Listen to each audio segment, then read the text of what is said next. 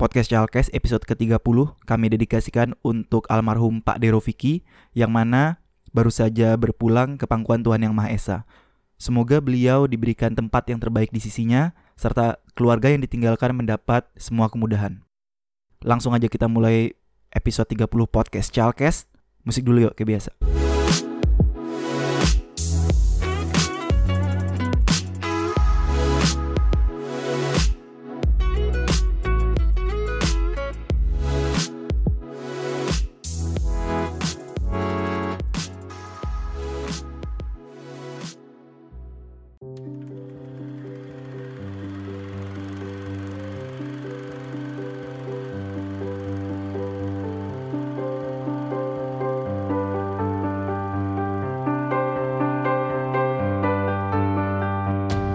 Halo cuy, lu balik lagi di podcast Chalkes Simple Makes Great. Halo apa kabar lu yang lagi nyimak, lagi dengerin?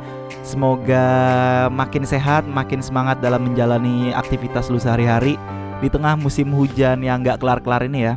Di sini di Jogja hujan mulu tiap hari, biasanya tuh dari sore sampai malam itu hujan bikin apa ya, bikin ngantuk, bikin loyo tapi semoga lu tetap semangat lah dalam menjalani aktivitas lu and stay on positive vibes as always. Kayak biasa lu lagi dengerin gua announcer kesayangan lu asik. Lagi dengerin gua Kopong Rian Kopong. Tapi di episode kali ini gua solo karena partner gua itu si Edi lagi nggak bersama gua. Jadi apa boleh buat lah ya. Jujur gua uh, agak sedikit kagok gitu. Maksudnya biasanya kan gue kolaborasi gitu kan kolaborasi sama podcaster atau sama narasumber gue atau uh, bacot sama Yedi gitu. Tapi sekarang gue sendiri jujur intronya aja diulang beberapa kali karena gak enak aja gitu ada yang kurang gitu ya kalau ngomong sendiri tapi gue akan tetap cuap-cuap demi lu nih yang lagi nyimak asik.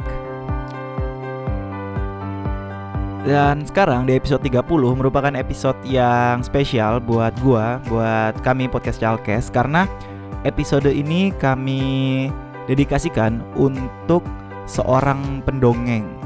Guru kita bersama, orang tua yang kita hormati yaitu almarhum Pak D Rofiki Dwi Putrohari. Um, ini merupakan kabar duka dan berkabungnya dunia geologi di Indonesia karena kehilangan salah satu sosok terbaiknya. Jasa beliau sangat banyak, terutama dalam menyampaikan bercerita tentang bumi di Ibu Pertiwi. Beliau tutup usia pada hari Senin kemarin tanggal 4 Maret 2019 di usia 55 tahun. Maka dari itu kami podcast Chalkes mengucapkan bela sungkawa turut berduka cita sedalam-dalamnya untuk keluarga yang ditinggalkan. Semoga almarhum diberikan tempat yang terbaik di sisinya. Semoga khusnul khotimah dan keluarga yang ditinggalkan mendapatkan kemudahan, mendapatkan ketabahan, keteguhan untuk melewati masa sulit ini. Oke, dan bagi kami podcast Chalkes Sosok Pak D ini merupakan salah satu inspirasi kami dalam membangun podcast Chalkes dan dalam misi podcast Chalkes yaitu menggeologikan Indonesia dan mengindonesiakan geologi. Karena salah satu apa namanya salah satu moto atau visi Pak D Rofiki adalah membumikan bumi dengan cara yang membumi. Kurang lebih seperti itu ya. Dan nanti kita akan banyak ngomongin soal dongeng geologi di mana dongeng geologi sendiri dibangun oleh Pak D. Oh ya, sebelumnya gini Kenapa dari tadi gue ngomongnya Pak D, Pak D, Pak D Rofiki gitu? Karena Pak D Rofiki ini beliau lebih akrab atau senang dipanggil dengan panggilan Pak D gitu. Makanya uh, eh, gue akan menyebut sosok beliau di sepanjang episode ini dengan sebutan Pak D karena memang akrabnya beliau dipanggil seperti itu gitu ya, coy. So, buat lo yang kepo apa sih uh, outline dari podcast episode ini? yaitu kita bakal bercerita tentang sosok Pak Deroviki ya mungkin seperti biografi singkatnya lah ya serta uh, kenapa sih Pak D ini menjadi orang spesial terutama di dunia pergeologian Indonesia uh, serta gue bakal bercerita tentang dongeng geologi ya uh, Pak D Rofiki salah satunya dikenal karena uh, dongeng geologinya. Itu sebuah blog dan di sosial media juga ada. Uh, lengkap itu menceritakan banyak tentang geologi. Tapi dengan bahasa yang sangat apa ya kalau gue bilang tuh sangat merakyat gitu. Kata-kata yang mudah dipahami mudah dicerna. Jadi bukan cuman uh, kita kita para para penggiat atau yang menekuni bidang geologi atau kebumian tapi juga uh, masyarakat pada umumnya pun ketika membaca dongeng geologi itu gue rasa pasti akan paham dengan mudah gitu. Maksudnya nggak nggak nggak sulit gitu ya. Serta terakhir nanti ada gini gimana sih atau apa sih yang bisa kita teladani apa yang bisa kita contoh dari Pak Deroviki dan bagaimana kita sebagai anak muda sebagai uh, apa namanya mahasiswa kebumian atau apa pun itu dalam melanjutkan cita-cita beliau. Nah, ini semua komplit cuy. Makanya lu dengerin sampai habis ya. Oh iya, lu harus dengerin sampai habis juga karena di akhir nanti akan ada kejutan. Nah, apa itu kejutannya? Ntar ya, namanya juga kejutan belakangan dong. Nah, Pak Deroviki ini dikenal sebagai bisa gue katakan blogger atau apa ya dulu zaman zaman 2011 sampai mungkin 2014 awal-awal gue kuliah uh, penulis di blog yaitu yang dinamakan dongeng geologi.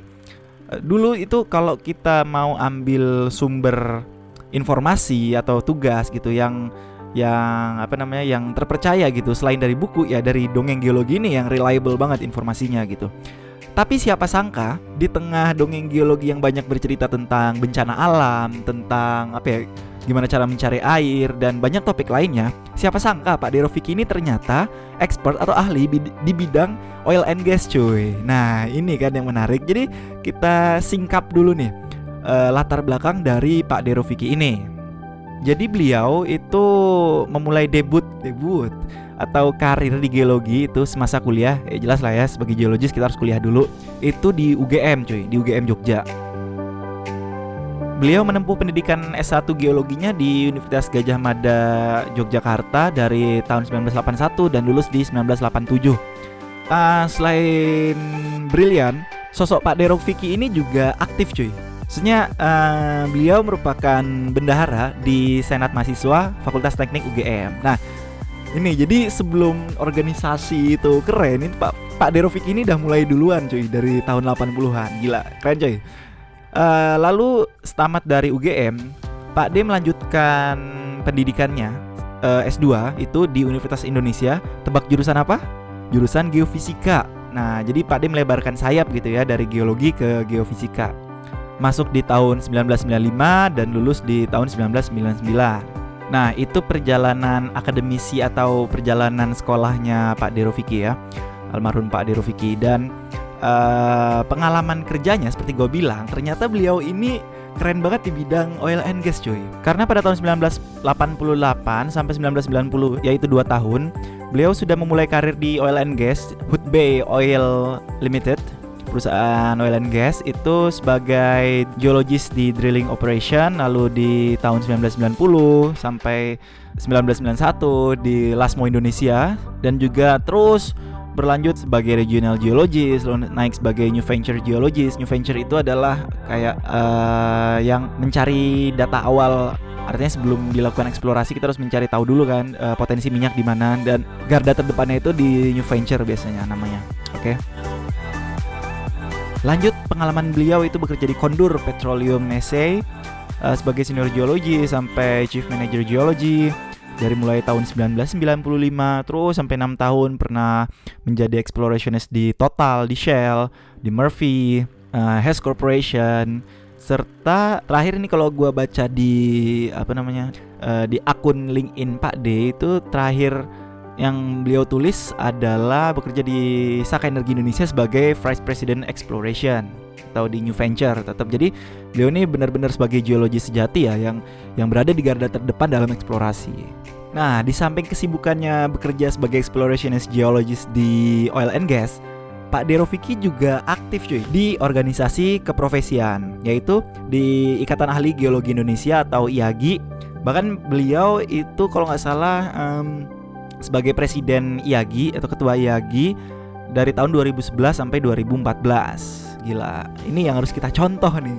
Selain aktif berkuliah, bekerja, organisasi harus tetap jalan karena berdasarkan wawancara antara Pak Deroviki dengan geologiwan bagi pengalaman .blogspot.com berorganisasi itu sangat baik untuk diri kita serta organisasi itu baik dalam melatih diri kita menghadapi berbagai persoalan atau berbagai kesulitan karena dalam organisasi sendiri pun yang paling sulit menurut Pak D adalah regenerasi atau kesinambungan program kerja.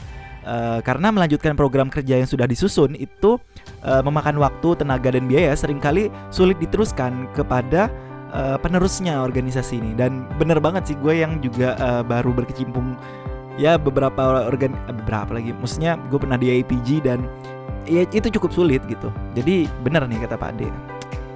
Dicatat coy. Dan dibalik uh, kesuksesan beliau dalam berkarya di oil and gas pencapaian terbesar Pak Derofiki adalah justru dalam membangun dongeng geologi. Nah, ini nih yang menarik dongeng geologi. Padahal ya uh, kita sendiri itu tahu gue yakin mahasiswa geologi pada umumnya atau perminyakan itu mengejar-ngejar untuk kerja di oil and gas gitu ya. Tapi ketika ditanya kepada Pak Ade Rufiki apa sih pencapaian terbesarnya yaitu dalam membangun geologi. Nah ini yang menarik dan kita bakal kupas tuntas tapi kita jeda dulu ada insert podcast yang mau lewat lu dengerin jangan di skip cuman bentar doang kita dengerin podcaster Indonesia ngiklan nih di episode ini oke okay? dengerin coy You listening to Podcast Jargon Simple Next Week.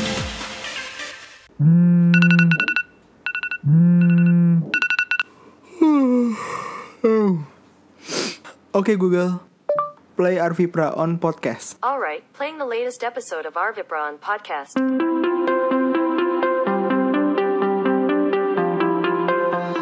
Halo semua, saya Arvi dari Arvi on Podcast. Saya memiliki kemampuan khusus, yaitu membahas gadget dan teknologi hanya menggunakan audio. Bisa didengar di SoundCloud atau Apple Podcast dengan nama Arvi Pra on Podcast. Oke, terima kasih sudah mendengarkan.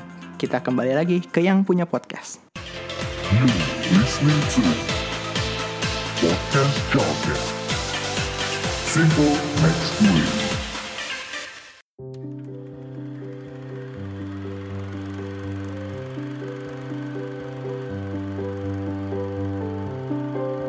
Oke, gimana cuy? Sukut banget ya insert podcast. Ntar dulu jangan langsung disambangin podcastnya Lu selesain dulu nih episode oke okay? Ntar baru samperin podcast yang itu tuh yang baru lu denger tadi Oke lanjut ngomongin soal dongeng geologi Mungkin dongeng geologi gue yakin sudah sangat dikenal terutama di kalangan mahasiswa geologi, para penggiat dunia kebumian. E, berawal dari sebuah blog yang dibuat oleh Pak De Rofiki yang dulu awalnya itu bernama rofiki.wordpress.com gitu loh. Dan setelah gue searching nih, itu arsip pertamanya keluar tahun 2001 bulan April. Anjir cuy dari udah udah berapa tahun itu dari 2001 Pak Ade udah ngeblok. Dan ya itu artikel pertama yang dikeluarkan adalah kepunahan bangsa atau mind reform.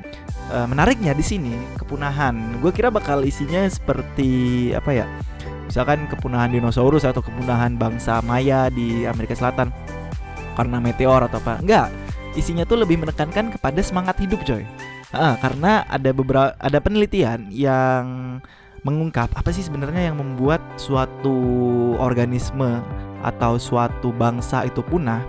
Emang banyak faktor seperti pertama langkanya kebutuhan dasar ya itu makanan, minum, tempat tinggal, hilangnya fasilitas, industri produksi, terbatasnya fasilitas untuk mengembangkan diri, kurangnya pendidikan sehingga ilmu pengetahuan tidak dilanjutkan kepada generasi penerusnya sehingga generasi penerusnya tidak mampu bertahan hidup sehingga punah.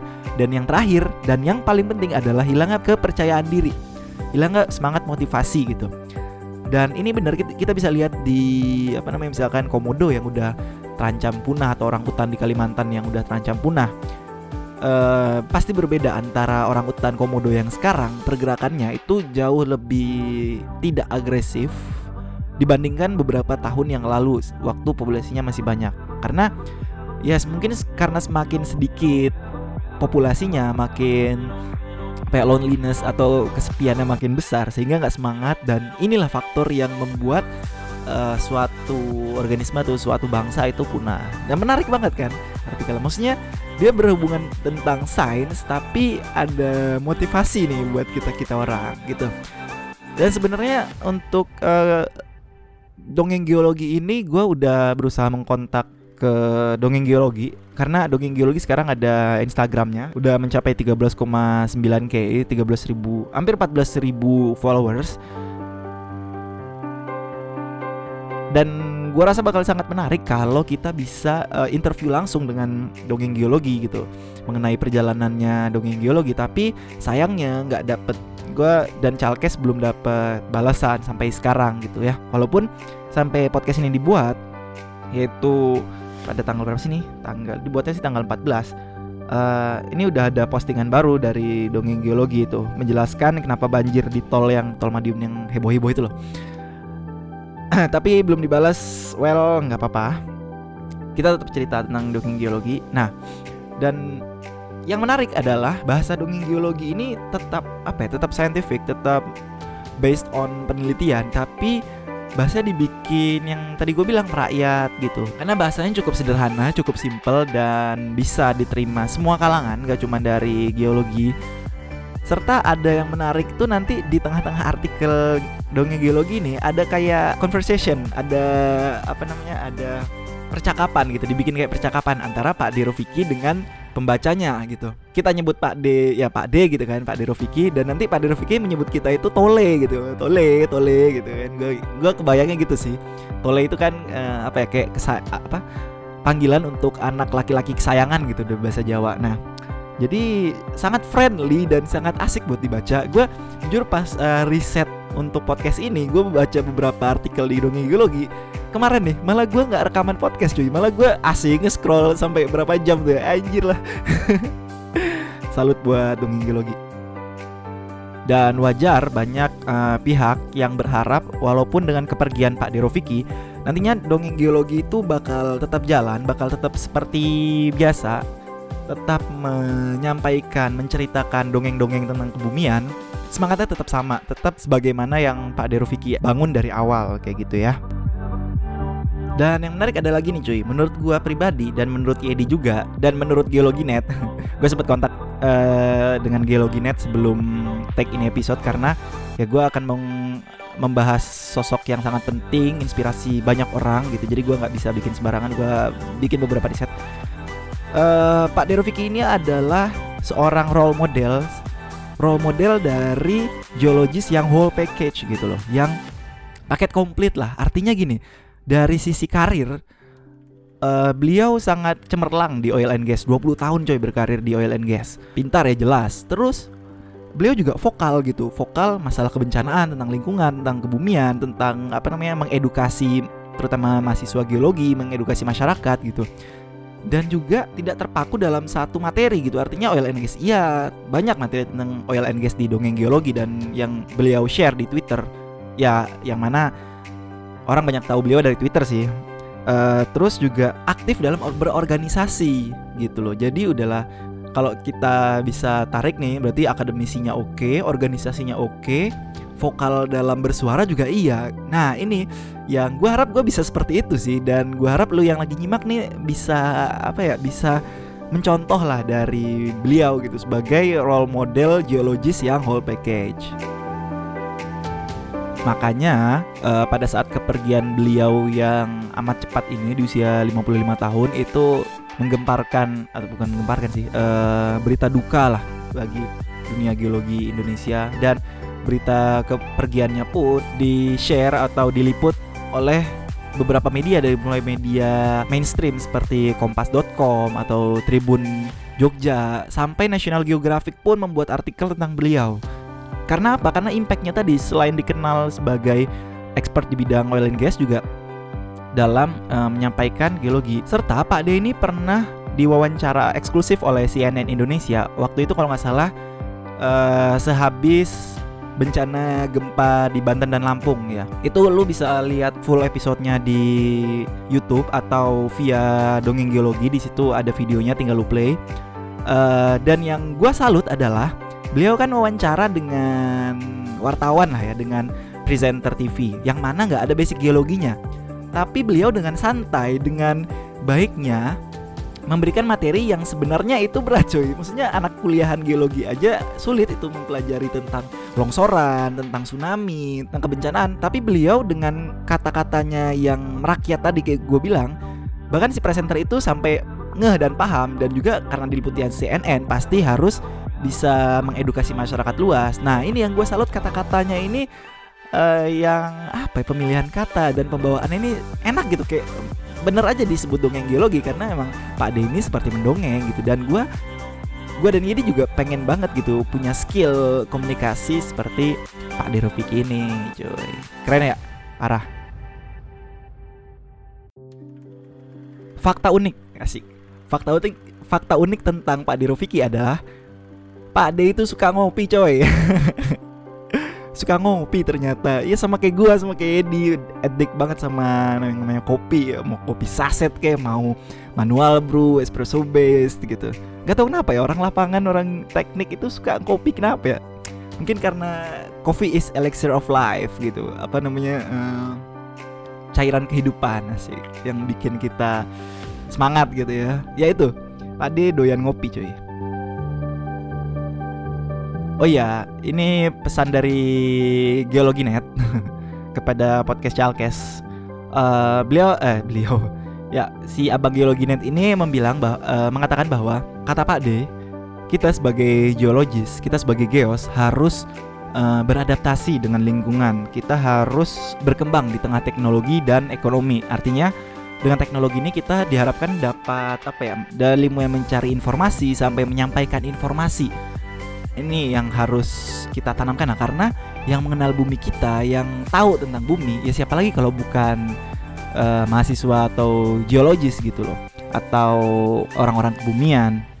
Dan juga kita harus dapat mencari celah dalam pekerjaan, dalam mungkin dalam berbisnis ataupun karena sekarang industri oil and gas lagi loyo gitu ya, tapi udah mulai naik lagi sih. Ya walaupun industri oil and gas lagi loyo, tapi kita harus tetap mencari celah nih. Gua gua bisa masuk mana? Gua bisa batu bara gua oke, okay. gua ke tambang, ke teknik juga sip gitu. Maksudnya intinya mampu beradaptasi di tengah kondisi ekonomi dan di tengah perkembangan teknologi. Ini penting banget cuy. Gak terasa gue cuap-cuap udah cukup lama kayaknya ya uh, itu tadi inspirasi yang dapat kita petik dari sosok Pak Deroviki yaitu beliau Gios yang whole package dan kita harus seperti itu juga whole package harus membumikan bumi karena siapa lagi kalau nggak kita yang memberikan informasi tentang bumi, tentang lingkungan, tentang energi ke masyarakat luas, tentang kebencanaan yang paling penting dengan cara yang tetap membumi atau dengan bahasa yang tetap merakyat. Oke, mungkin sampai di sini dulu podcast Chalkes. Sekali lagi kami turut berduka cita atas kepergian sosok yang sangat luar biasa yaitu Pak Derofiki Dwi Putuhari. Kami berduka cita sedalam-dalamnya. Semoga sosok beliau tetap dikenang, tetap diingat oleh generasi muda penerus uh, dunia pergeologian kebumian dan semua bangsa Indonesia. Terakhir, terakhir nih di depan gue bilang bahwa bakal ada um, surprise. Yep, bener banget. Jadi, seperti yang lu tahu, podcast Chalkes udah genap. Asik genap. Ganjil ding. Berumur satu tahun cuy. Yeay. Nggak kerasa ya? Kerasa sih. Capek cuy bikin Chalkes tahun tapi kita tetap semangat. Um, dan di ulang tahun Chalkes yang satu tahun ini kita bakal memberikan giveaway. Oh giveaway. Apa tuh giveawaynya? Uh, ada deh. Pokoknya berupa barang dan nggak cuma satu pemenang nanti ada mungkin berapa ya? Dua beberapa pemenang I don't know. Pokoknya nanti bakal ada giveaway dan cara untuk mendapatkan atau memenangkan giveaway-nya lu pantengin di Instagram Chalkes. Nanti kita bakal bakal bikin feed Instagram akan ada infonya. Nah gimana caranya lu bisa menangin giveaway dari podcast Chalkes? Simpelnya lu follow dulu Instagram podcast Chalkes bagi yang belum follow di @chalkes. Nanti di situ kalau kita udah apa ngepost feed Instagram tentang giveaway-nya, lu ikutin aja. Gampang kok, gampang banget. Nanti buat lu yang beruntung, lu bakal memenangkan hadiah dari podcast Cakes. Yeay.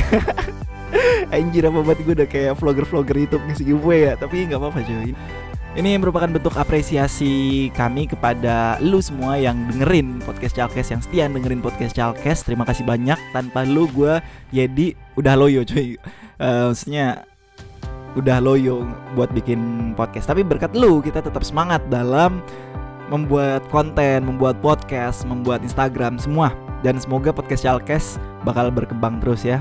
Buat siapa lagi kalau bukan buat lu? Asik. Oke.